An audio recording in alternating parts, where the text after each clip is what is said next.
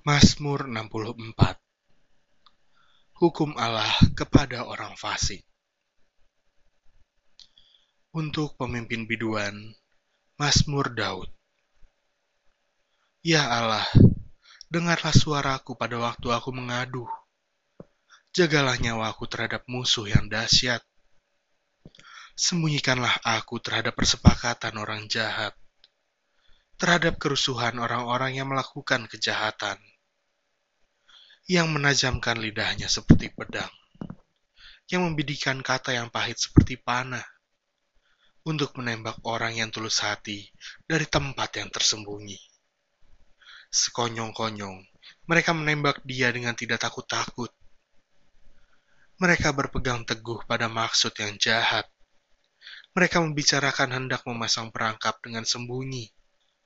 Kata mereka, siapa yang melihatnya? mereka merancang kecurangan-kecurangan. Kami sudah siap, rancangan sudah rampung. Alangkah dalamnya batin dan hati orang. Tetapi Allah menembak mereka dengan panah. Sekonyong-konyong mereka terluka. Ia membuat mereka tergelincir karena lidah mereka. Setiap orang yang melihat mereka menggeleng kepala, maka semua orang takut dan memberitakan perbuatan Allah dan mengakui pekerjaannya. Orang benar akan bersuka cita karena Tuhan dan berlindung padanya. Semua orang yang jujur akan bermegah.